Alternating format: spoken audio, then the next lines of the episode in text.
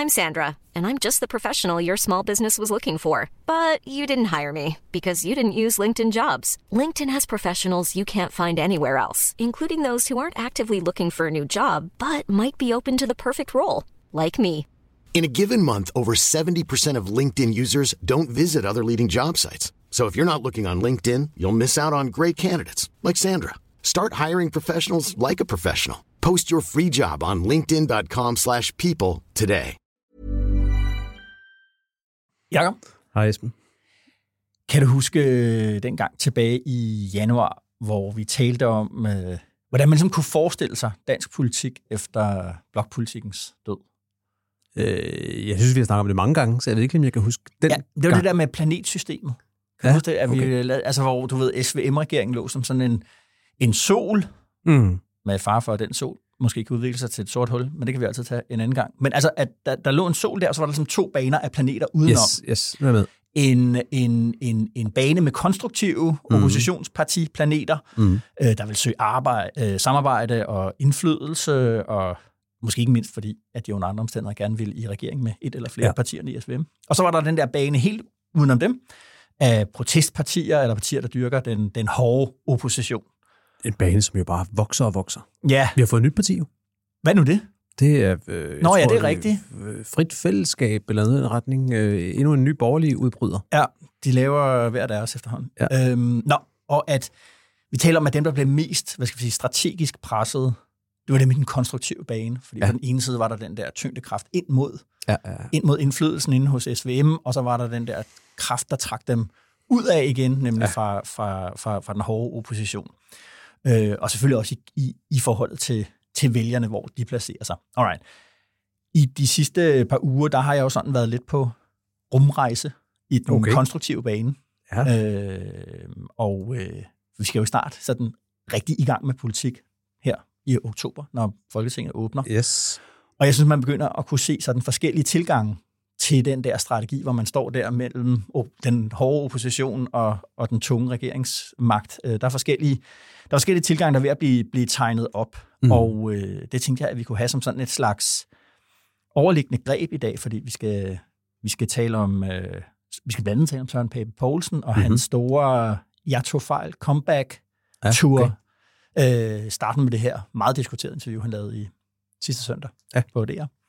Så kan vi tale om Martin Lidegaard. Han øh, møder den her weekend øh, ind til sit første landsmøde som partileder. Det gør han. Ja. Og han var til landsmøde i Altingets gård som øh, optagt. Præcis, fordi han har en ny bog under armen, som er udkommet i tirsdag, tror jeg nok, det er. Ja. Officielt, han havde den med her i mandags. Generationskontrakten hedder Mhm. mm-hmm. det, og det er jo den, han ligesom skal forsøge at samle øh, partiet øh, omkring, og der synes, der synes jeg også, ligesom, vi skulle, vi skulle berøre, vi skulle berøre det. Mm-hmm. Mhm. Okay. Og så har vi jo lytterspørgsmål. Øh, ja, dengang, øh, der kommer det fra, fra en, der kommer dernede, hvor jeg også kommer fra, nemlig, Nå. nemlig Vordingborg, øh, Sydsjællands, Tel Aviv. Okay. Ja, spørgsmålet er, er, lige så, er lige så enkelt, som det er godt. Altså, hvorfor er det egentlig, at Socialdemokratiet er så populært? Øh, hvorfor er det så stort, når alle andre er så relativt små? Nej, okay. Og det synes jeg, øh, det synes jeg egentlig er, synes jeg er et godt spørgsmål. Ja. Det skal vi tage fat i. Lyder det ikke meget godt? Det lyder godt. Jamen, så lad os få øh, rumhjelmen på og lade teknikeren tælle ned til liftoff 10, 9, 8. Velkommen til DKP.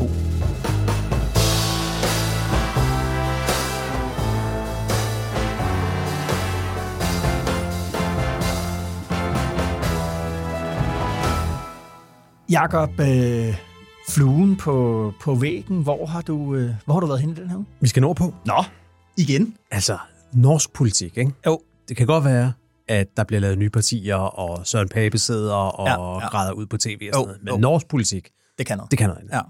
Altså, Norge, de har jo haft en vild uge. De har jo haft, øh, de har haft kommunalvalg Ja. i øh, denne her uge. Mm-hmm. Øhm, og øh, kæmpe, øh, kæmpe sejr til øh, partiet Højre. Mhm. For første gang i 99 år, for første gang siden 1924, Ja. er Arbejderpartiet, som det hedder, det norske socialdemokrati, Mhm. mm-hmm. ikke det største parti i Norge efter et valg. Det er første gang, det skete. 100 år. Ja. Højre er blevet det største parti. Kæmpe sejr til Anna Solberg, den tidligere statsminister, som selvfølgelig ikke stillede op ved kommunalvalget, men ligesom endnu et boost i hendes march på vej tilbage mod det norske statsministerium. Ja. Alt tyder på, at når nordmændene om præcis to år, for de har nemlig faste valgdatoer deroppe, om præcis to år går til stortingsvalg, Jo. så vil hun storme tilbage i statsministeriet. Ja. Men øh, så sker der altså noget, og jeg vil godt have været flue på væggen, da Erna Solberg havde en samtale med sin mand, som hedder Sindre, Aha, her i, i, i, i denne her uge. okay. Hvad har Sindre lavet? Sindre har handlet med aktier. Wow. Og der, er- og der er lige en norsk politiker, der har måttet gå af og gå bodsgang, fordi at hendes mand havde handlet med aktier og havde benyttet sig en, måske benyttet sig af insiderviden, så, så ministeren måtte gå, fordi mm-hmm. manden havde handlet med aktier. Og nu viser det sig altså, at mens Solberg var statsminister i Norge, Ja. øh, der sad hendes mand altså stik imod, hvad de havde aftalt, Mm-hmm. og handlede med aktier ikke én gang, ikke mm. to gange, men 3.600 gange. Wow. Prøv lige at, prøv lige at høre her, hvordan, øh, hvordan Solberg selv øh, udtrykte det på det pressemøde, hun har holdt her, øh, her til morgen. Det totale omfanget av Sindres aksjehandel ble altså klart for meg på onsdag. Den viser at Sindre ikke har vært ærlig med meg, hverken da jeg var statsminister, eller da jeg konfronterte ham med dette etter at dere begynte å stille spørsmål. Tillitsbrudd er alltid vanskelig, og ekstra vanskelig er det selvfølgelig i en familie og i et ekteskap. Og det gjør vondt for meg å være så hard mot Sindre som jeg er i dag. Men fordi vi er gift, har felles økonomi, så er det sånn at de handlingene han har gjort, har direkte påvirkning på hvordan jeg kan utøve mine oppgaver som politiker. Ja. Hold da op, ja. Sådan, øh, sådan lød det. Der øh, sad følelserne altså også ude på tøjet, men øh, Jo. det forstår man jo på en måde godt. Jo. Og øh, det er spændende at se. Specielt om, hvis det er øh, rigtigt selvfølgelig, at han har handlet med aktier bag om ryggen på hende. Ja, du mener, hun kan have vidst det, eller hvad? Ja. Det ved man jo ikke. Nej, det ved man ikke. Nej, det virker lidt mærkeligt, at du kan handle over 3.000 gange aktier. Ja. Sådan, uh, Ja, men så, så vidt jeg lige kunne læse op på norske aviser, så, så har han simpelthen hen mod årsafslutningen hvert år barberet sin aktieportefølje ned til det, den var, da hun blev statsminister, for at det ikke skulle kunne ses, at den var vokset. Så det har simpelthen været sådan hele året bonanza, aktiekøb, og så hen mod slutningen af året tilbage til grundporteføljen, og så forfra igen efter et år. Han Mm. skal ifølge norske medier have, have tjent omkring 1,8 millioner norske kroner på det undervejs, så han har, han har, han har reddet med på bølgen. Aus. Nå, det vil man godt have. Det er sådan, øh, Ja. ja. politik, mand. Det er Ja. for vildt, ikke? Jo. Nå, hvor vil du gerne have været henne? Jamen, øh, jeg tror gerne, jeg ville have siddet øh, sammen med Therese Scavenius fra Alternativet. Da hun Får Det, det, det er du så den eneste, der gerne vil. ja, efterhånden. Ja, ja, men da hun øh, får at vide af Franziska Rosenkilde, at, øh, at nu kører der den her sag, en ja. Ja. eksklusionssag, partiet har ja. i Ja. hvert fald lagt op til, at hun skal, skal eks- ekskluderes, Ja. øh, på grund af, at de, de synes, det er meget svært at arbejde sammen med Therese Scavenius. Ja. En, en opfattelse, der, der deles øh, bredt på, på Christiansborg, det skal, det skal man skynde sig at sige. Ja. Hun er en, en kontroversiel øh, politiker, man Ja. står sig på. Øh, Ja. og, øh, og jeg har også kunne se ligesom, at hvad skal man sige, øh, analysen har ligesom været, ja, puha, der kan man se, at Mette Frederiksen havde gjort, gjort det rigtigt ved at lave regering på midten, i stedet for at basere sig ultimativt på Therese Scavenius mandat. Ja, fordi at en rød regering vil være en, en regering med kun et mandatsflertal, så et hver, et hver medlem af Rød Blok Ja. ja. vil sådan set være det afgørende mandat. Ja, præcis. Ja. Men der, du ved, og jeg var sådan lidt, det kan jeg jo godt, ja, den, den ligger jo lige for at, mm. At, at, at drage den konklusion på den anden side. Så, altså, så synes jeg ikke, det er så svært måske at sætte sig lidt ind i, hvor den vrede, som Therese Scavenius har, øh, og som hun, som helt klart, det er en motor i hendes politiske engagement, og som, og som er det, der driver hende ind i alle de der konflikter med åbenbart Gud og hver mand mm. øh, på, på Christiansborg, hvor den kommer fra. Hvordan det? Jamen, altså... Øh, det, det, er jo, det er jo, altså, hun er drevet ind i politik af klimaspørgsmålet. Det er Ja. derfor, hun er i Ja. ja. politik. Det er hendes professionelle virke, det er hendes liv. Og bare i går så jeg, jeg tweetede os selv ud, øh, der kom, der var sådan noget fra Danmarks Statistik, der viste vores, øh, vores CO2-reduktion. Og øh, den eneste årsag til, at man egentlig kan sige, at, øh, at vi har reduceret meget. Den opfattelse tror jeg, der gælder mange steder. Vi har taget mange initiativer og klimalov og alle de der ting, vi også har talt om. Ja, det er jo, at vi ikke regner, øh, regner CO2-udledning fra biobrændsel med i det, samlede, i det samlede regnskab. Selvfølgelig ud fra en betragtning af, at ad år, og det er så spørgsmålet om, hvor mange år det er, så vil genplantning ligesom betyde, at, at så vil det, planter optager øh, CO2, og så vil de ligesom kunne, kunne, kunne suge den CO2 ud øh, der tilbage, som man har ja. udledt af og ja. brændt af. Men, men det er, det, det er udelukkende derfor. Altså, vores CO2-tryk er stadig rigtig, rigtig, rigtig højt, og jeg kan sagtens forstå, at hvis du, er, hvis du virkelig mener, at, øh, at det her, det er ikke bare et eller andet politisk spørgsmål, det er kernen, det er opgaven, som, som Jacob Ellemann Jensen jo også øh, gerne vil sige, det er vores, tids, øh, vores generations største udfordring. Mm. Øhm, og det tror jeg, der egentlig er bred enighed om, at det er, det, det er meget voldsomt. Ja, så kan jeg godt se, at du bliver vred over, at der ikke, du føler, at der ikke sker noget. Mm. Øh, Jamen, både man bliver vred, men måske også se en politisk en, en, en attraktiv politisk position i at være den, der er rigtig vred og ikke bare er konstruktiv er på at gå ind til forhandlingerne, fordi alle partier er jo efterhånden klimapartier. Så hvordan er du et et, ja. et mere engageret klimaparti. Og det er jo også en intern diskussion, der har været i Alternativet mm. efter valget. Det var, altså, okay, klimapolitikken, det er blevet en rigtig, rigtig bred spilleplade for mange partier. Hvordan skiller vi os ud? Og der har man så ligesom mm. opprioriteret et fokus på hele det spørgsmål om arbejdstid og den stressede ungdom, og kan vi ikke sætte sætte, sætte vores forbrug og arbejdsliv øh, lidt ned. Selvfølgelig stadigvæk er det jo inden for en grøn agenda, men ja. det, er, det er et fokus, der ligger væk fra sådan hardcore øh, klimapolitik. Altså, hvor du siger, nu er der nogen, der skal, nu skal vi simpelthen lukke noget produktion, eller lave det helt om, og det må gerne gøre ondt, og det er et spørgsmål om, hvem der skal gøre ondt på, og sådan noget. Ja. Så det er jo klart, at, at øh, hun også indad til oplever ja. frustration over Jamen, jeg, jeg, jeg, deler, jeg vil også godt have været flue på væggen. Det er også fordi, jeg synes, det, det er et af de der, altså jeg synes, jeg ved ikke, når man ikke har været i det selv, det er lidt svært at forestille sig, synes jeg, at Selvfølgelig kan folk have forskellige toner. Nogen kan synes, at nogle andre er døde irriterende. Det kender ja. man fra alle arbejdspladser, og selvfølgelig også fra politiske parti. Mm-hmm. Men derfra til, at fem medlemmer af gruppen synes, det er så voldsomt, at den sjette skal ekskluderes. Der, altså, det er svært at forestille sig, hvad det er, der foregår, der er så voldsomt. Ja, men bølgerne går højt. Altså, ja. det, det er klart. At det, altså, og, og, og det, hun er jo, uh, Theresa Scavenius, det som øh, man kalder en conviction politician. Altså ja. hun, det handler om nogle idealer, det handler om en ideologi, ja. og, og, og, og så kommer følelserne selvfølgelig også ja. øh, frem der. Men det er jo klart, hvis du sidder og føler, at du grundlæggende set er med i et, øh, et maskeradespil, øh, hvor alle lader som om, de gør noget, mm. men ikke rigtig gør noget, ja, ja. Øh, så, det, det bliver, jo, så stiger ja. frustrationen jo, og det kan ja. jeg et eller andet sted hen jo, altså kan vi, på den måde kan man selvfølgelig sige, nu skiller hun sig så ud, men det er det der med, hvor længe kan vi blive ved med at mm. sige, mm at det er vores tids største, vores, gener, vores generations største udfordring, ja, ja, ja. og at det er menneskehedens øh, hvad det hedder, liv, der, øh, yes. fremtid, der Jamen, er på spil. Og så stadigvæk mm. ligesom, oh, du ved, hvor skal CO2-afgiften ligge? Skal det være på kødet ja, ja. nede i fryseren, eller ude ja. på, du ved, er det ikke... Er det ikke Men ved du, hvor man også kan en vandpistol med til en krig? Altså? ja, okay. Men udover det, så man vil jo også godt være flue på væggen i det forløb, der så skal være nu, fordi Alternativet er jo et særligt parti på mm. den måde, at hverken Folketingsgruppen eller hovedbestyrelsen eller nogen som helst andre kan bare lige ekskludere et medlem. Nej. Det står simpelthen i deres vedtægter, at der skal være en form for, for mailing først, konfliktmailing ja. nu, og det, det ja, gad man gad også man godt at, at sidde med til. Men det, det hører vi sikkert snart om, hvordan den kommer til at foregå. De til parterapeut. Yes.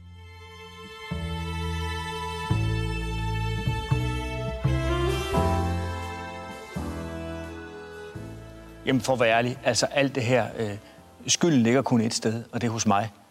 Det var dårligt, det jeg gjorde i valgkampen. Det var faktisk helt forfærdeligt.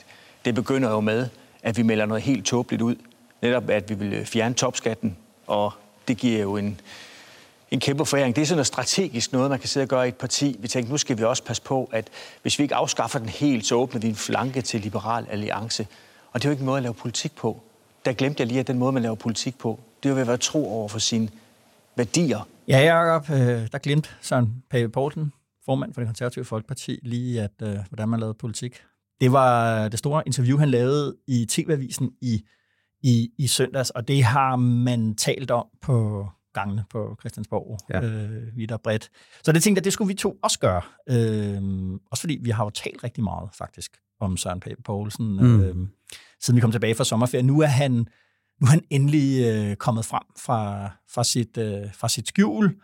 Og jeg tænkte ligesom, at det her, det var sådan fase 1 og 2 i forsvaret for hans, øh, ja. for hans formandskab. Indrømmelse af egne fejl plus søsætning af et, et nyt projekt for partiet, væk fra at være topskattekæmper, topskattebekæmperne, til at være fællesskabspartiet, hvor familien og civilsamfundet ja, Men der er, ikke noget, der er ikke noget, altså, som jeg hørte, der er ikke noget holdningsskifte i det. Altså det er bare, nu vil han godt lægge tonen et andet sted, ja. end han gjorde før. Jeg hører ham ikke sige, nu, nu har vi ny politik, hverken på skat eller på familie.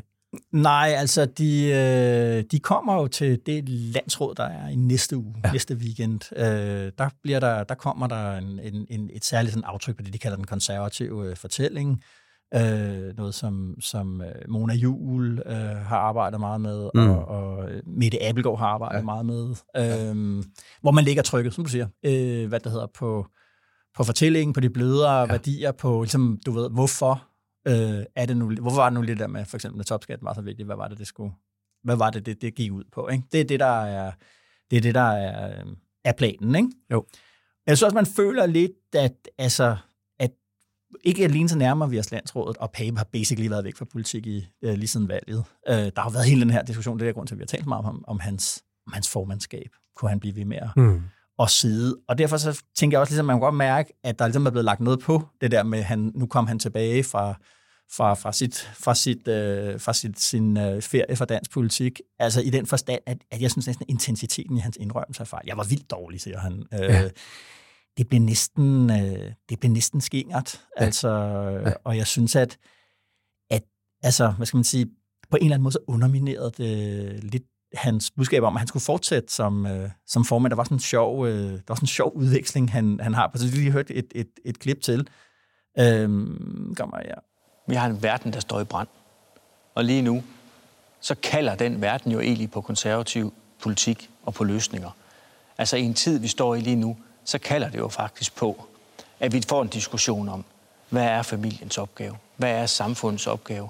At vi faktisk kommer tilbage til, at vi tror på autoriteter. Vi lytter til politibetjenten, så der er orden i samfundet. Vi tror på videnskabsmanden, og ikke dem, der opfinder noget, som de sidder og googler på nettet og stykker sammen til et eller andet. Og derfor er det vigtigt, at der er et konservativt parti i Danmark. Ja, Jacob, du går fra at sige, at jeg klarede valgkampen vildt dårligt, øh, taktisk fejl, strategisk fejl, øh, men jeg skal fortsætte med at være formand, fordi at der er kæmpe krise i hele verden, i, hele verden står i brand. I, i hele, ja. hele verden, ikke? Altså, de, de to ting hænger jo, de hænger jo faktisk bare slet ikke særlig godt sammen. Nej. Nej. Jeg synes også, jeg synes også at øh, at det, der sker for Søren Pape i det interview, det er lidt det samme, som nogle venstrefolk har været trætte af med Jakob Ellemann i perioden her, efter han, øh, efter han kom tilbage. Ja. I begyndelsen i hvert fald. Hvor de siger, hver gang han henvendte sig til offentligheden, også hver gang han skrev mails ud til alle Venstres medlemmer, så handlede det om ham selv. Ja. Så handlede det om, nu var han nu havde han været så syg, nu havde han haft det sådan der, og nu var det det ene, og nu var det det andet. Ja. Men det handlede meget lidt om, hvad han egentlig ville med Venstre, med verden og med Danmark. Ja. Og det er jo lidt det samme med Søren Pape her. Mm. Det, er, det handler utrolig meget om ham, og man forstår godt det psykologiske behov for at sige, okay, øh, jeg kender nogle fejl, så man så kan stille sig derfra ja, på en ny præcis. platform og sige, lad os nu komme videre herfra. Ja. Men det, det kommer til at, at, at, at skygge for, og det er måske også bevidst fra hans side, det er jo, at som jeg ser det konservative opgør, så er det jo ikke bare et opgør om personer. Der er mm. mange, der synes, at Søren Babe har gjort det for dårligt, og han er for usynlig og sådan noget. Mm. Men det er jo også et opgør om partiets sjæl. Det er jo et opgør om politik. Ja. Hvis man kigger på alle de der ronkedorer, der har været ude, nogle af dem melder sig ud, nogle af dem går ind i Moderaterne, andre af dem bare skriver læserbrev i Altinget eller i Berlinske, hvad de nu har gjort. Jo. Så er, som jeg ser det, fælles, øh, fællesbetegnelsen for det, det er jo, at de synes, at Søren Pape har rykket partiet i en alt for national konservativ retning. Ja. Altså nazi, nazi-islamisme og alt det andet. Mm. Og de synes, at partiet skal være et socialkonservativt parti i Paul Slytters og Palle ja. Simonsens ånd. Ikke? Jo. Det er, jo, det er jo den politiske uenighed, der ligger, og den adresserer han, øh, adresserer han slet ikke, og, og det tror jeg ikke, man kan slippe for i længden. Altså, der bliver nødt til, der bliver nødt til at blive en afklaring i det konservative parti af, mm. hvilken af de to linjer, der skal, der skal vinde, for det er jo også afgørende for, hvor de kommer til at placere sig. Man, mange af de her, der har været kritiseret Søren Pape, har også kritiseret, at han ikke gik med i den regering, så det ja. var helt forkert. Men jeg synes jo sådan set, isoleret set, at det giver god nok mening, at det konservative folkeparti, der hvor det ligger i dag, ikke gik med i regeringen. Mm. For det er jo et meget nationalkonservativt parti i dag, og så giver det jo god mening ikke at gå med i den regering. Altså det kan ikke, du, du er nødt til, at politikken ligger nogenlunde samme sted, som det, man vil praktisere. Ikke? Jeg talte med, med, med en kilde i partiet, øh, som... Øh, hvor jeg spurgte ligesom, jamen, øh, burde, I ikke, burde I ikke have været inde i den der regering? Ja. Øh, kilden svarer så ligesom, jamen det, kan, det kunne vi ikke, øh, på grund af alle de ting, vi havde sagt under, under Mink-sagen, og Mette Frederiksen, og covid, og mm. magtfuldkommenhedskritikken, og alt det der, ikke? Og så, altså det ville simpelthen være for utroværdigt. Øh, og det kan man jo sige, det, det, er, jo, det er jo rigtigt. Øh, ja. Så spurgte jeg så ligesom, jamen, altså, helt ærligt, øh, stak det ikke også lidt af under det der ja. covid, og især Mink-sagen. Ikke? Det har vi to talt flere gange om, ja. men det var ikke så godt for de borgerlige, den måde, de angreb det på. Så siger kilden, det stak helt af. ja. øh, og så var det logiske spørgsmål jo bagefter. Så det vil sige, hvis man nu ikke havde stillet sig an på den måde, man gjorde i Mink-sagen, havde I så været i regering i dag? Og der var svaret, ja, formentlig. Mm. Og det siger jo rigtig, rigtig meget om partiets ja. øh, og problem, at man at det er jo ikke bare det der med topskatten, som, mm. øh, som, som øh, Søren Pape, det passer jo heller ikke, når Søren Pape siger, det var bare lige sådan lidt en taktisk melding. At der var en, altså de var så overbeviste om, at Pape kunne det, som Venstre ikke havde kunnet øh, i hele det 20. århundrede næsten. Vinde et valg på klassisk borgerlig økonomisk politik. Ja, og i ja. konfrontation med Socialdemokratiet. Når man spurgte, ja. ligesom, jamen du ved, øh, altså, kan, kan man det ikke? Venstre havde bare ikke været modig nok. Øh, nu kom det, ikke? Øhm, og, øh, så, så, så, men det var ikke bare det. Det har også været, mm. været, været, været øh, hele... Og det er jo ikke kun de konservative, de fulgte jo Venstre. Det var hele det borgerlige Danmark, som, øh, ja. som, som havnede i en, synes jeg i hvert fald, sådan set sådan en politisk strategisk overvejelse, et helt forkert sted på, på, på Mink-sagen. Rigsretssag ja. og altså en, en total Øh, hvad hedder det? FE-sagen det samme. Det samme, den her, den her desavouering af Mette Frederik. Hun var simpelthen, altså vil jeg sige, mm. hendes demokratiske valør var simpelthen helt i bund.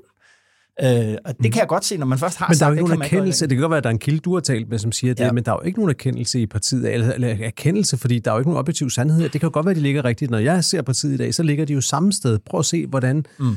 Øhm, hvordan de ligger i en sag som den om øh, koranafbrændingerne, så er det jo stadigvæk den nationalkonservative linje. Det er jo ikke den pragmatiske midtersynspunkt. Mm. De tager ikke det, som øh, du ved, KF'erne, alle øh, Papes interne modstandere, mm. kalder det ansvarlige regeringsbærende synspunkt. Ja. De tager det principielle synspunkt. Mm. Og derfor så synes jeg... Så, men, men ved du hvad, den, den er der også, øh, når man taler med, med, med, med Kieler i K, er der også opblødning på. Altså, det lyder lidt som om, hvis det her nu bliver snævret lidt mere ind, hvis, den der, hvis alle mm. de der formuleringer, de der meget brede formuleringer, øh, væsentligt, altså alle, alle, alle genstande med væsentlig betydning for en religion herunder også ikke anerkendte trossamfund, hvis det simpelthen kunne blive snævret ind, og mm-hmm. Altså, altså, det er ikke, jeg hører ikke sådan et, et, et, et, et total afvisning øh, længere. Øh, jeg synes også, i forhold til det, vi talte om der, da vi, da vi indledte, hvordan, hvordan går partiet nu ind her i den her politiske sæson? Altså, er det hård konfrontation, eller er det samarbejde? Der er lyden samarbejde, samarbejde, samarbejde. Mm. Men, altså, kan, men, men min pointe er bare, mm. har Søren, en ting er, at Søren Pape kan gå ud og sige, jeg kørte en dårlig valgkamp, jeg tog fejl og sådan noget, men har han politisk troværdighed, og har han overhovedet, altså, mener han det overhovedet? Kan han overhovedet personligt stille sig i spidsen for et parti, der ligger et andet sted, end der, hvor det ligger nu? Mit indtryk er, mm. at han sådan set altså ligger der, hvor han selv sådan set tror, at partiet skal ligge. Ja, men altså der, der, vil jeg så, der, han, der tænker jeg nok, at Søren Pape er, i hvert fald er så meget politiker, at, øh, at, at, at holdninger og synspunkter godt kan blive chanceret skiftet ud. Øh, det gør de jo gerne. Ja, lad os se. Jeg husker, Christine Korsgaard, øh, hun havde engang sådan en fantastisk formulering af, at, at man kunne bevæge sig så langsomt, at ingen opdagede, at man havde skiftet position. ja. øh, og det, jeg, jeg, jeg synes, som jeg hører det, at øh, er det, hvis man skal skære det sådan lidt skarpt op, det er, det er Mette Abelgaard, Mona Juhl, det er den gruppe, der ligesom har, ligesom har fået til opgave at profilere øh, partiet øh, fra nu.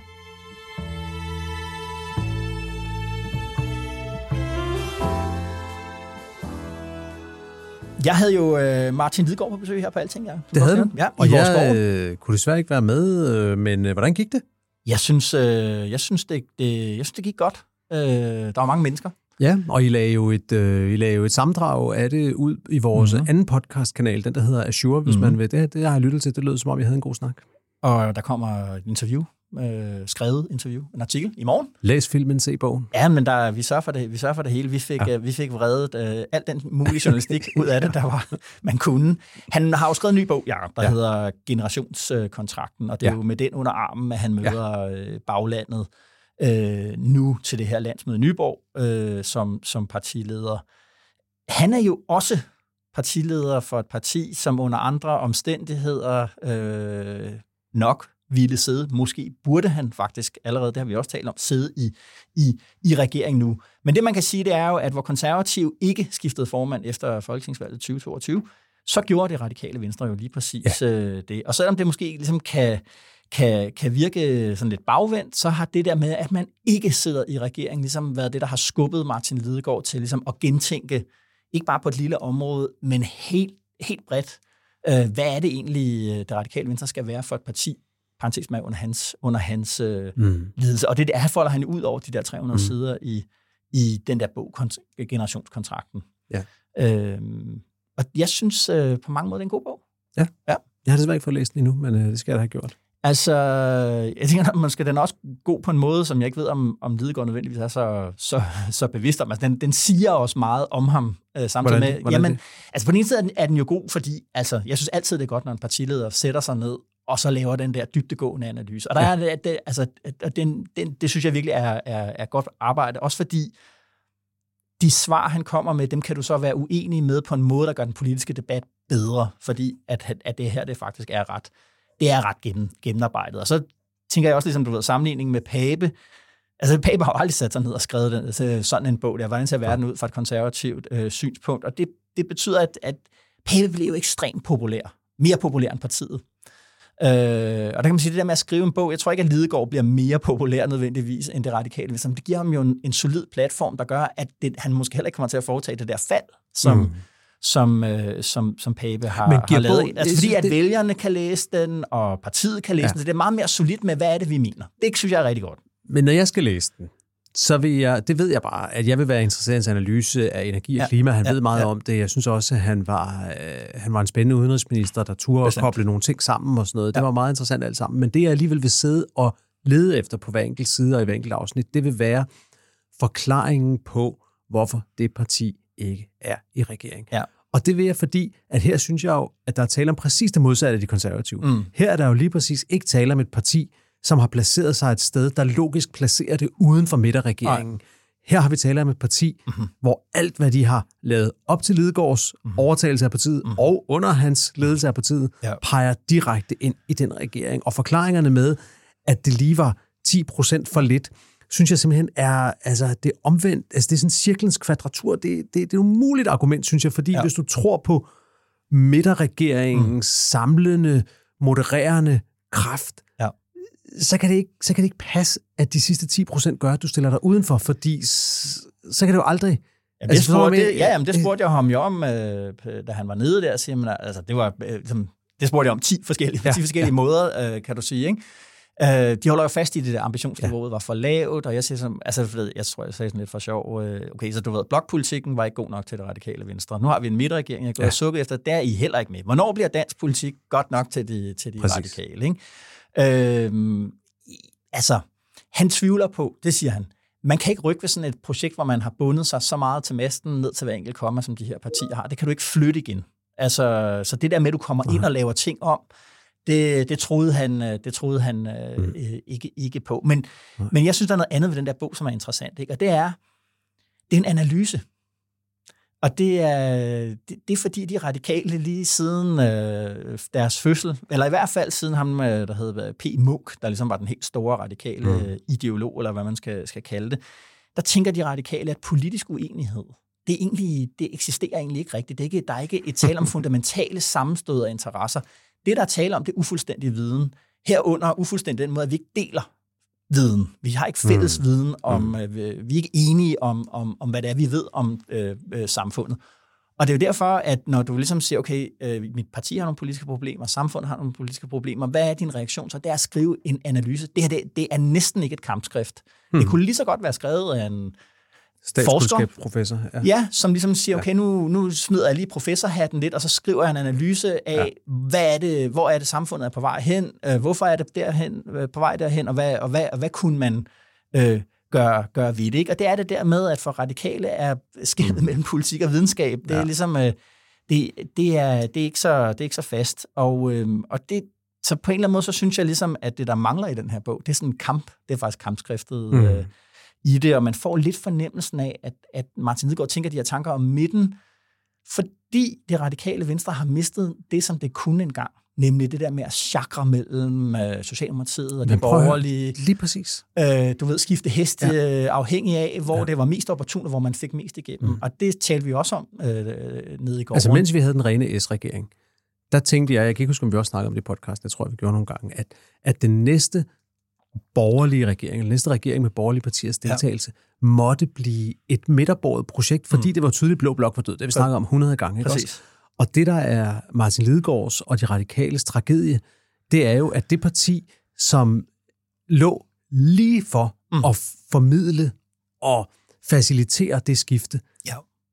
det kom for sent, fordi Socialdemokratiet valgte at overhale indenom og sige, den tager vi. Den der, øh, Jamen, jeg synes jo både plads. i 2019 og i 2022, der havde man jo muligheden for, på det der niveau, der handler om den kongelige undersøger, mm. at sige, at vi øh, bare af strategiske grunde siger, ej Mette Frederiksen, vi peger lige på en anden, fordi vi vil gerne lige høre, hvor meget, hvor meget klima, som jo er Martin Lidegaards raison d'etre som politiker mm. og som person, hvor meget klimapolitik kan vi få over hos de borgerlige? Ja. For at lægge pres på. Det har de radikale jo ikke gjort nu i, øh, i to valg. Det, der var så paradoxalt ved 2022-valget, det var, så gjorde Mette Frederiksen det lige pludselig, mens de radikale holdt fast i, at det var hende, der skulle ja, være statsminister. Ikke? Ja. Og, øh, og det, det, det, det synes jeg er...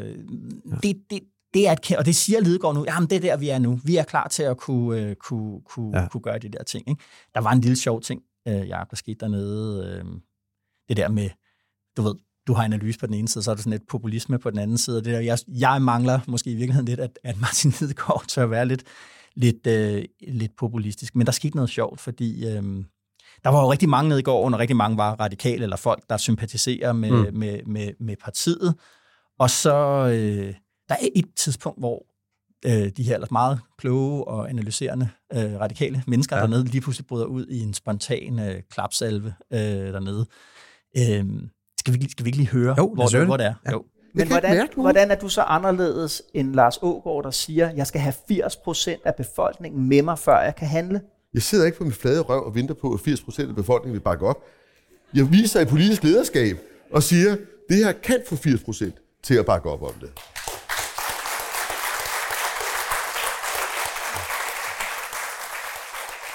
Ja, okay. Ja, det... Øh... Men prøv at høre, nu, nu åbnede vi den her podcast med at tale mm. om Teresa Scavenius, ikke? Ja. Ja, ja. Det, det, Jamen, det, det er det her, ikke? Ja, det er det her, og det, det, altså, jeg tror, at Lidegaard på et eller andet tidspunkt skal finde, finde den der øh, attitude frem. Ikke mindst, øh, hvis han gerne også vil, vil, det vil han jo meget gerne med den her bog og med sit parti, for de unge vælgere i, i, ja. i tale. Men det ligger så fremmed for, for, ja. for partiets historie, for det selvopfattelse, at det der med, jamen vi er dem, der kommer med analysen, og vi har hornbrillerne på, og vi vil gerne have ret. Øh, her der vil Lidegaard øh, gerne slås med Lars øh, ja, ja, ja. ikke? Og, ligesom, ja, ja. Øh, og, og, og det, der er sjovt ved det, det er selv for radikale, der virker det der. Ikke? Ja, ja. Men og det synes jeg, det synes jeg bliver den anden spændende udfordring med hans, øh, med hans, hele hans strategi, som jo bygger på det her med, at de nu skal være ungdomsparti, de skal være dem, der taler op imod, at al politik skal handle om de midalderne og de ældre. Yes. Og det er sikkert en god position at have. Men har de også de folk, der troværdigt kan føre den frem? Fordi der tror jeg, jeg, jeg tvivler på, at øh, Martin Lidegaard, der jo øh, også er en øh, midalderne mand med lyseblå hårvækst efter hår og lyseblå skjort, ligesom os to. ja. Altså, der, der er et eller andet der med, at det er nødt til også at være båret af nogle øh, yngre profiler også. Helt sikkert.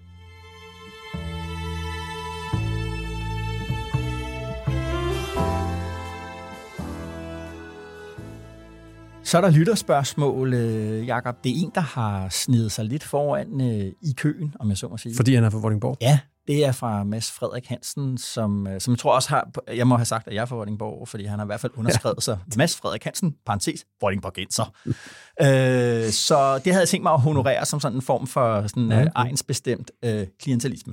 Ja, okay. Men spørgsmålet er jo faktisk også ret godt. Det lyder sådan her, kære Esmer Jakob, tak for en skøn podcast. Det er Altid skønt at køre hjem på weekend med jeres perspektiver i ørerne hver fredag, sammen med Hans og Arnes ugenlige pod- øh, kommentarer på Weekendavisens avistid, er DK Pol en klar favorit. Nå.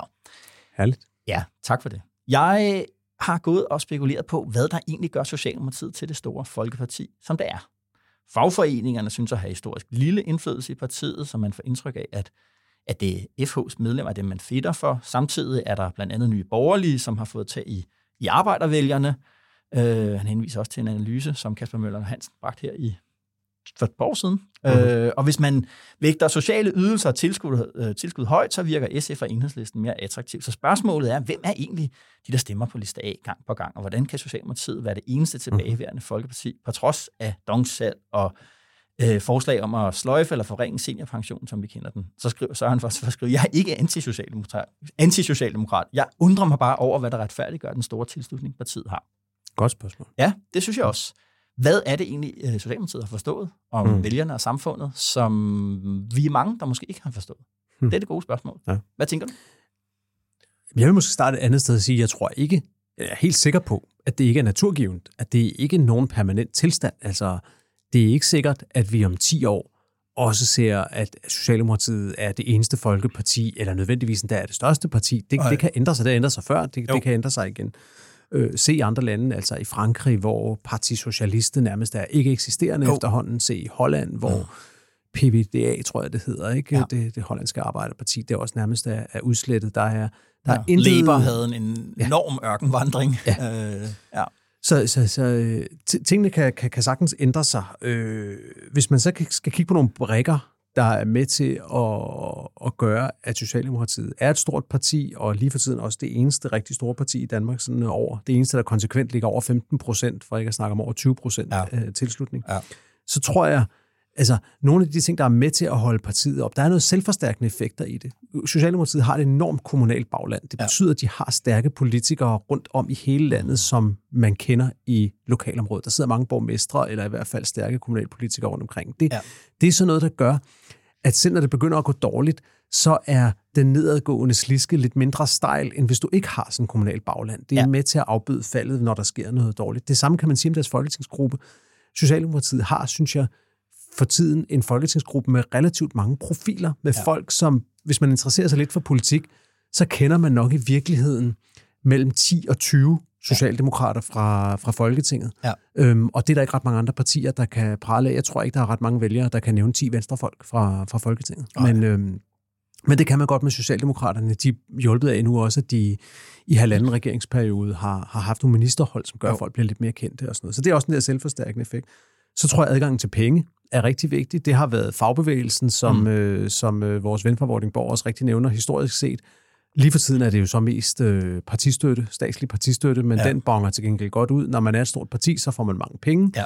Og det betyder også, at Socialdemokratiet har nogle, nogle kampagnekræfter, som de har været dygtige til så også at bruge på en måde, der har været i synk med, med partiets politik. Mm. Og hvis man skal nævne den sidste ting, ja. så er det det, vi lige snakkede om i sidste segment med, at de er manøvredygtige. Ja. De, de formår at bevæge sig. Mm. Et parti, der skal overleve og skal holde sig ved magten, og i det hele taget forblive stort, skal kunne bevæge sig og også øh, tage kontroversielle og besværlige politiske valg, som, øh, ja. som giver noget modstand, men som gør, at de på den lange bane kommer til at ligge rigtigt og ikke forkert, apropos de to partier, vi lige har talt om. De har i hvert fald været rigtig gode til, øh, det gælder også øh, her i Københavns Kommune, hvor vi befinder os, det der med at navigere. Hvordan får du magten, mens din stemmetal falder? Ja. Fordi Socialdemokratiet er jo slet ikke lige så stort, som det, som det var engang. Der var en gang, hvor Nej.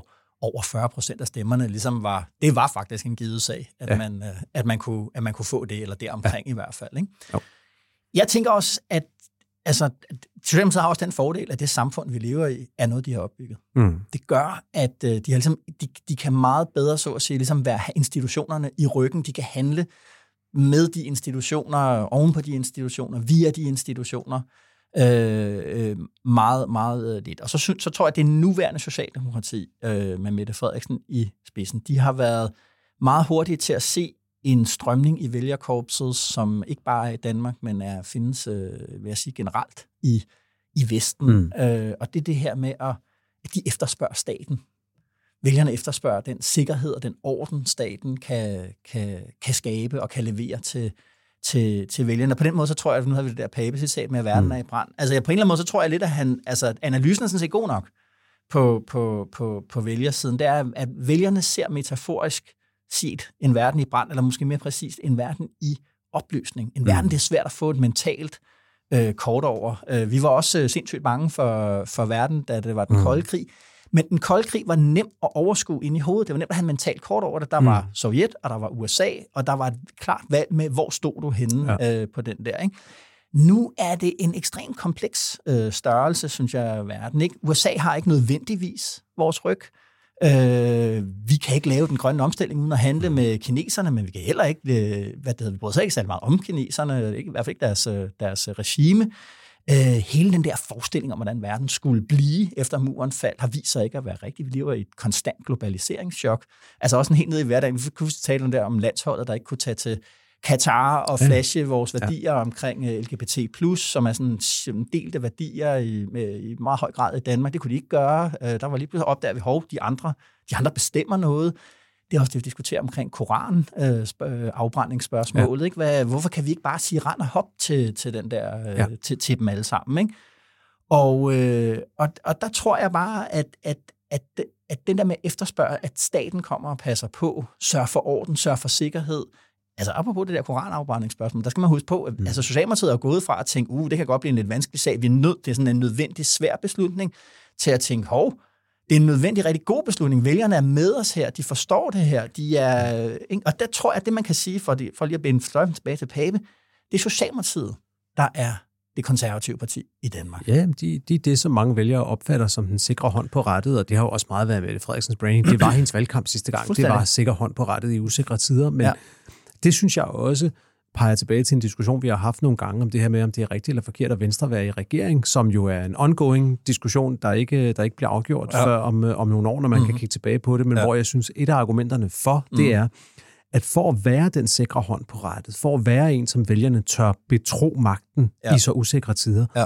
så skal du også have noget erfaring. Ja. Og det er jo det, Venstre er inde og samle op lige nu, og man kan jo se på Jacob Ellemann, at han samler erfaring op, og ja. han øh, vokser lidt og lærer hele tiden og jo. bliver bedre, og det gælder også nogle af de ministre, der sidder der. Ja. Og det er jo forskellen på ham og Pape, også lige for ja. tiden, det er, at den konservative gruppe, nogle af dem har så været ministre, det har Pape mm. også selv, men de ikke inde og samle den erfaring op, og det er med til at svække deres position som den sikre hånd på rettet. Præcis. Altså, apropos det der med den sikre hånd på, på rettet, så var det jo det, Venstre blev med Anders Fogh Rasmussen tilbage mm. i, ja. i 2001. Det var jo dem, det var jo Boldværkspartiet. Ja. Det var dem, der uh, lavede orden og sikkerhed og, og tryghed for, for, for, for danskerne. Og det var, apropos det der med mink og alt det, der vi talte om, det var det, de afhændede.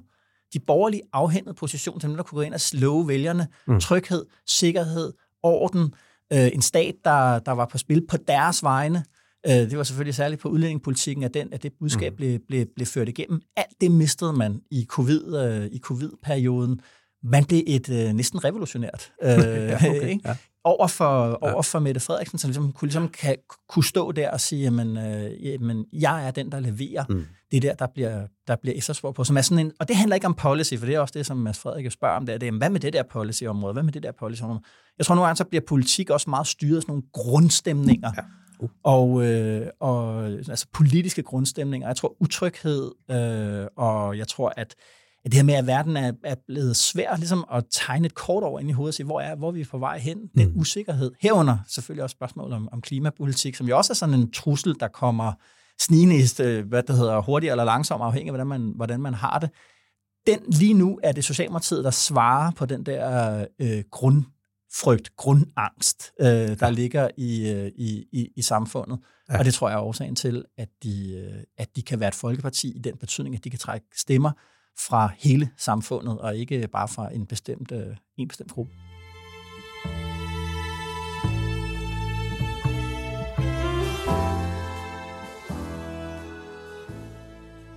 Weekenden, Jacob, øh, hvad står du? Er så rock and roll? Hvad, hvad har ja, så rock and roll, ja. Lige i eftermiddag er ikke så rock and roll. Jeg skal desværre til en, til en bisættelse. Der er en af Nå, naboerne okay. ude i kolonihaven, Nå. der er, um, der er død en, min ældre kvinde, så okay. det er lidt trist. Jo, men, det er øhm, men, øhm, men det, det, så bliver det lidt mere rock and roll måske senere. Og søndag tager jeg til, tager jeg til Aarhus, hvor øh, en af mine voksne børn bor. Danish så, for Progress. Øh, tager vi til Danish for Progress, og på et eller andet tidspunkt i løbet af den der søndag i Aarhus, ifører vi os også nogle gule trøjer og går ud på det, der i gamle dage hed Fredensvang.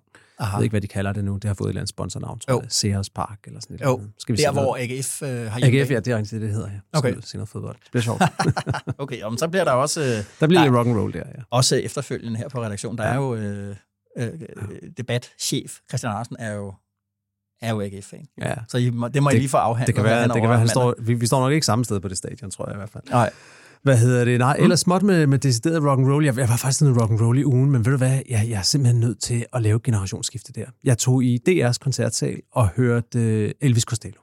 Nå, okay. Gamle det, god, ikke? det er boomer. Det var totalt boomer, ikke? Og Jo. det, det var også en fest for, for alle de hvide midalderne mænd, ikke også? Jo. Og øh, ved du hvad, det holder ikke længere. Det er Nej. simpelthen slut. Altså, det var, det var gabende kedsommeligt, og øh, ja. Jeg har, aldrig, jeg har aldrig været til det. Nej, okay. Øh. Øh. Jeg har sådan set meget godt kunne lide det, men, øh, men øh, nu, nu er vi nødt til, vi er nødt til at gå lidt mere det, ind i det yngre musik her. Så Okay. mine koncertanbefalinger her det næste stykke tid, jeg kommer til at kigge lidt efter, jeg kommer til at kigge lidt efter de yngre bands. Nå, okay, nu men jeg skal noget faktisk ind og høre uh, Charlie Crockett uh, Country. Ja, her, okay. øh, det Jamen, er der er ikke uge. med country, det er... Rigtig cowboy. Ja. Ægte cowboy. Cowboy ja. slips, cowboy Hvor spiller hat. han ind? Inde i Vigge. Nå, Ja. Ej, det vil jeg godt med til. Ja, det bliver sjovt. Fedt, men øh, nej, ellers en tur til Aarhus. Hvad med dig? Hvad, hvad skal du... øh, Jamen, øh, min Odyssey med min Corolla er jo ligesom har, du, fortsat. har, har du fået nummerpladerne tilbage? Jeg skal ud og hente nummerpladerne nu, fordi hvad det hedder, Skat har først låst bilen op, som det hedder, øh, i, i, den her, i den her uge. Så øh, hvis, hvis det lykkes mig at få fat i det der øh, nummerplade her senere i dag, Hvor, hvor står bilen fysisk? den står nede ved, øh, hvad det hedder, Møn Minigolfklub. Med sådan, øh, med sådan noget polititape på. Så det er også sådan lidt... Øh, jeg, Så når folk går forbi, kan de forestille sig, hvad der er, der er sket? Ham, der, der røvede minigolf. Øh, præcis, banken, det ligner øh, et, øh, præcis det. Så Ja. det, jeg prøver Okay, at komme til Vordingborg Ja, fedt. øh, her øh, senere i dag, øh, og, og så se om... Øh, Men altså, du har jo reddet flere DKP-lyttere, kan jeg forstå, for der var jo så flere derude på sociale medier. Præcis. Åh, oh, nu fik jeg også husket at få betalt Præcis. den der vægtafgift der. præcis. Så, Så, så hvad det hedder, på den måde har, altså, har jeg tjent penge hjem til, Ja, ja, til staten. det er ja, præcis. det er fremragende. Anbefalinger, Jacob. Hvad har du med? Du, du lovede banger her lige Banger ind. anbefaling. Ja. Ej, ved du hvad? Jeg, øh, jeg, går jo, øh, jeg går jo for tiden, eller gået lang tid, også indimellem og tænker lidt over det der med robotter og kunstig intelligens. Vi Jo. sidder jo også her, ligesom alle andre virksomheder, og snakker kunstig intelligens. Jeg tror ikke, der er en virksomhed i Danmark lige nu, hvor ledelsen ikke sidder og tænker over, du ved, hvordan kan vi bruge det på en begavet måde, og hvor er begrænsningerne i, hvordan vi Ja. kan bruge Ja. det, og kan det gøre nogle ting nemmere, kan vi, øh, kan vi, kan vi finde nogle ting. Jeg synes, at altingets øh, journalister, vil jeg godt sige, er sindssygt dygtige til at bruge det kunstig intelligens på måder, hvor vi ikke lader kunstig intelligens producere indholdet, men hjælper os til at gøre nogle arbejdsgange bedre. Ja. Og, øh, og, og for, så det går jeg og tænker en del over. Ja. Jeg har hørt, jeg tror, vi har nævnt ham før. Jeg har gået og lyttet til en podcast, der hedder Humans vs. Machines. Ham, der hedder Gary Marcus, som er en øh, AI, kunstig intelligens ekspert, men ja. som også er ret skeptisk over for hele udviklingen, især over for den, hvad skal man sige, den kommercielle del af udviklingen. Og øh, der ligger det sidste afsnit ude nu, det gik jeg og hørte i denne her uge, og Ja. det er sådan en lille smule øhm, on the dark side. Han er jo en af dem, der, der har den der bekymring om, om kunstig intelligens, robotter ender med at ødelægge menneskeheden, simpelthen, ender med Ja. at smadre det hele. Ja, ja, ja. Men så hørte jeg en anden podcast, og det er den, der egentlig er min anbefaling. Jo. Og det er også en gammel kending her i, i programmet. Det er David Runciman, britiske politolog og historiker, som Mhm. mm-hmm. jo i gamle dage hed den podcast, der hed Talking Politics. Yep. Desværre afgået ved døden. Det var din første anbefaling, kan Ja, man sige. ja. nu, nu har han en, der hedder Past, Present, Future, og i det afsnit, som jeg vil anbefale, som ikke er det nyeste afsnit, men vi lægger linket i show notes, så kan man finde det, der taler de om hans nye bog. Ja. Han har nemlig skrevet en ny bog, Jo. og så har han inviteret den... The øh, Handover. The Handover hedder den, ja. ja. Jeg har faktisk bestilt. Øhm, Ja. ja. Har du bestilt den? Ja, ja. Okay, ja. ja. Men, øhm, hvad hedder det? Øh, der sidder han og taler med hende, der hedder Lea Ipi, som er jo albansk født øh, professor ved, jeg tror hun er ved London School of Economics, i hvert fald i, i, i London. Ja, Øhm, sindssygt god. Og hendes bog, Fri, tror jeg også, vi har talt om tidligere, fremragende bog om hendes Ja. ja. opvækst i Albanien. Altså en helt anden historie. Jo. Men han beder så hende om at læse hans bog og interviewe ham om den, og så Okay. taler de om den. Og pointen i Ron Simons nye bog, det er, ja ja, det der kunstig intelligens og robotter, det skal vi da være bekymret over.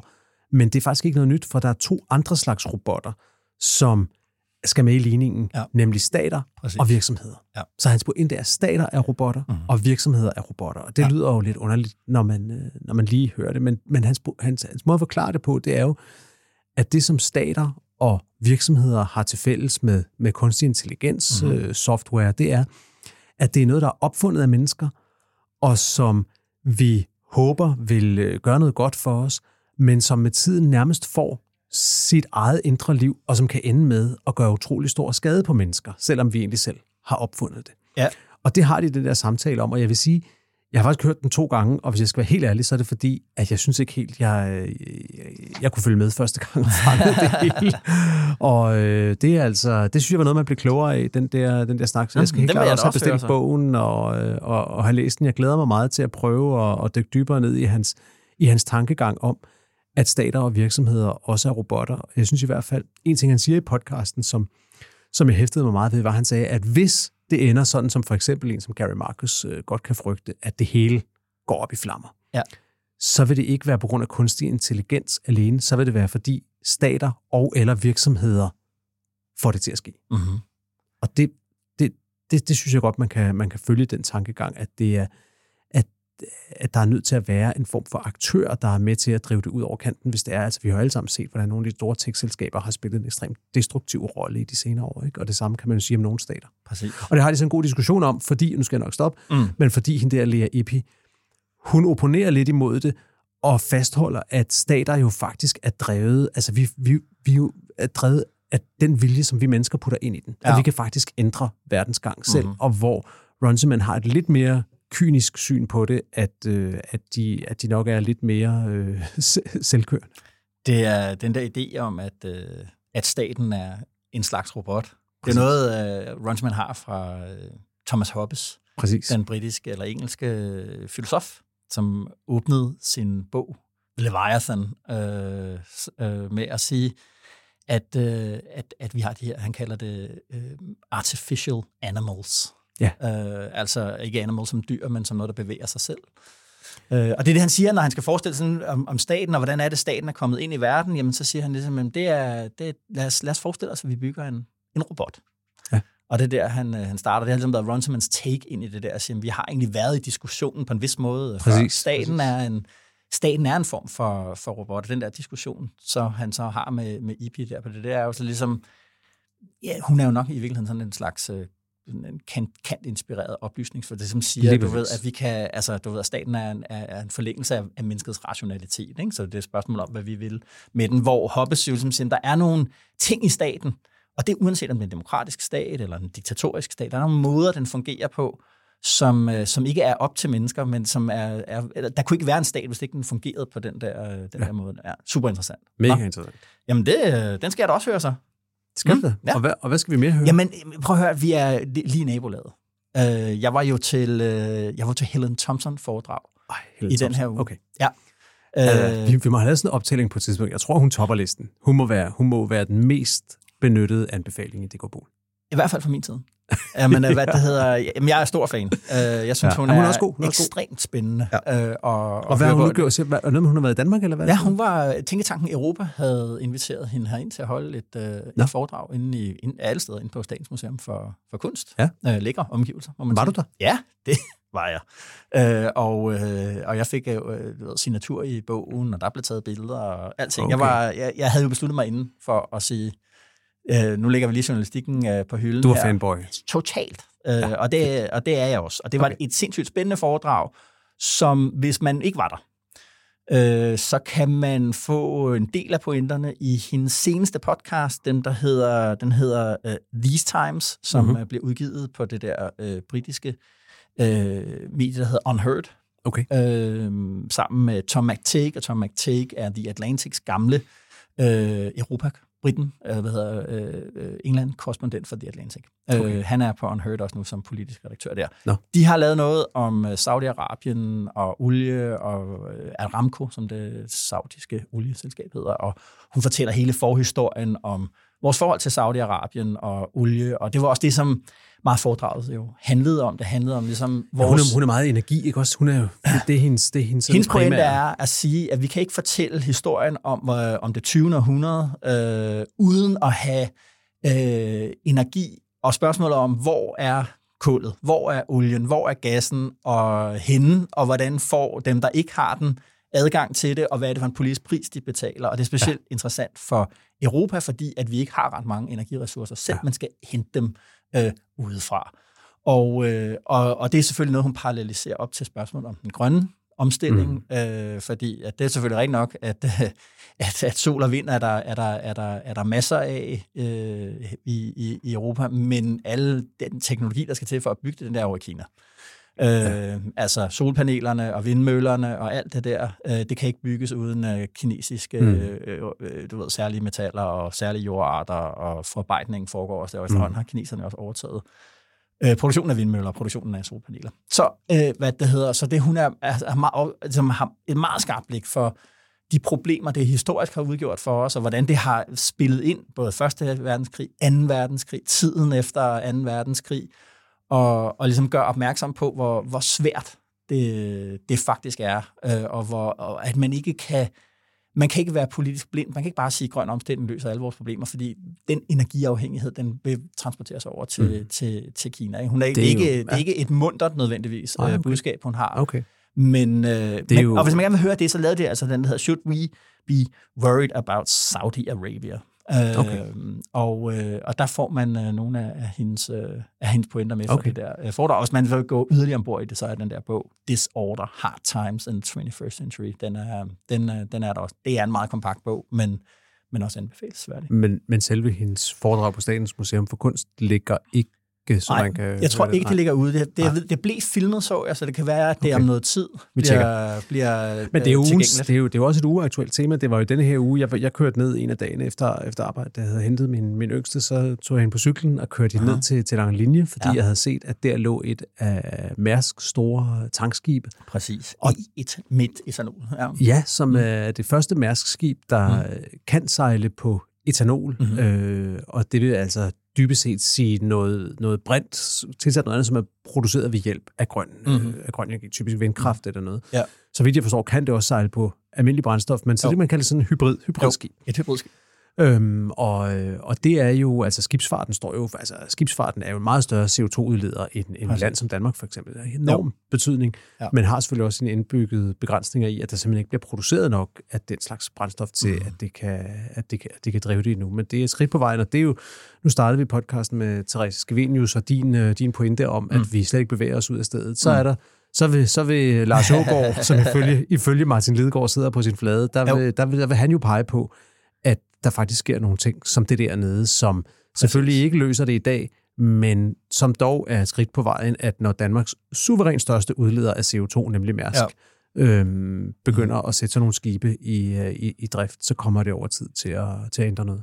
Det, som var sådan Helen Thompsons udgangsreplik i det der, det var, at hun, hun, hun sagde ligesom, at man, altså, så længe vi tænker den grønne omstilling inden for rammerne af ansvarlig økonomi, mm. øh, hvad det nu betyder i Danmark. Altså, at det, du ved, at udgifter og indtægter går i, går i nul ja. øh, i, inden for en overskuelig overrække. Så længe vi tænker det, så der, der ser hun problemet. Altså, hun, hun, hun mener jo, at, at uh, det her det skal ses som, som det, hun kaldte reasons of state, for nu at tale med reference til Thomas Hobbes. Altså, det her, det handler om statens sikkerhed, statens overlevelse i sådan en meget dyb og også meget bred betydning. Så det kan aldrig blive for dyrt? Det kan ikke blive for dyrt, eller i hvert fald i den forstand, at, at det staterne skal påtage sig meget mere risiko, øh, altså finansiel mm. risiko også, ja. øh, i, i, i det her spil. Forestillingen om, at markedet alene kan drive det her rundt, den forholder sig meget, meget øh, skeptisk til. Mm. Øh, og der har jeg jo en henvisning til alt det, vi diskuterer omkring øh, havvind. Altså kan havvind blive det danske, den, den danske olie? Kan vi ligesom, du mm. ved, hvor nordmænd er hævet op fra undergrunden, så kan vi så lave det ude i, i Østersøen og i Nordsøen? Og, at, at, altså lige nu er svaret øh, nej. Altså det kan ikke, det kan ikke blive nogen lukrativ øh, forretning på den måde. Ikke, ikke sådan, som tingene står lige nu. Og det betyder som, hvad så? Altså hvis, nu, hvis det ikke er en lukrativ forretning, så rykker markedet ikke. Hvad gør vi så? Og der, der var hun meget på ligesom at sige, at altså, po- politik skal på, i spil på en helt anden måde, end, øh, end det er lige nu. Alright, Jacob. Øh, Tak for den her uge. Ja, lige måde. Vi, Kom vidt øh, omkring. Ja, det gjorde vi så. Vi, vi, øh, vi ses næste fredag. Der har jeg til gengæld en, øh, en banger-anbefaling med. Nørdet, men en banger. Alright, det glæder jeg mig til. Mm-hmm. Vi ses. Det gør vi. Og tak til dig derude med DK Pol i ørerne. Jeg kan ikke sige, hvor meget det betyder for også Jakob og mig, med alle de mails, vi får. Ikke kun fordi vi får ros, selvom det også er dejligt, men fordi alle de overvejelser og kommentarer og spørgsmål, øh, vi får, de bekræfter for mig at se, at selvom man indimellem kan blive led og ked af den offentlige debat, og også lidt frygtsom for demokratiets fremtid, så, så bekræfter de, at den offentlige samtale, den offentlige samtale, som mange så gerne vil redde, den har det faktisk allerede godt. Og at der nedenunder slagsmålet på Twitter bliver tænkt og talt øh, originalt nyt øh, og alvorligt og seriøst over politik. Og det er vigtigt, for politik har aldrig, som vi ser her på Altinget, været vigtigere. Emma Klitnes redigerede denne episode af DKP, og vi spillede klip fra DR og NRK, øh, og fra os selv her på Altinget. Mit navn er Esben Schøring, og ønsker dig og dine en god weekend og god vind.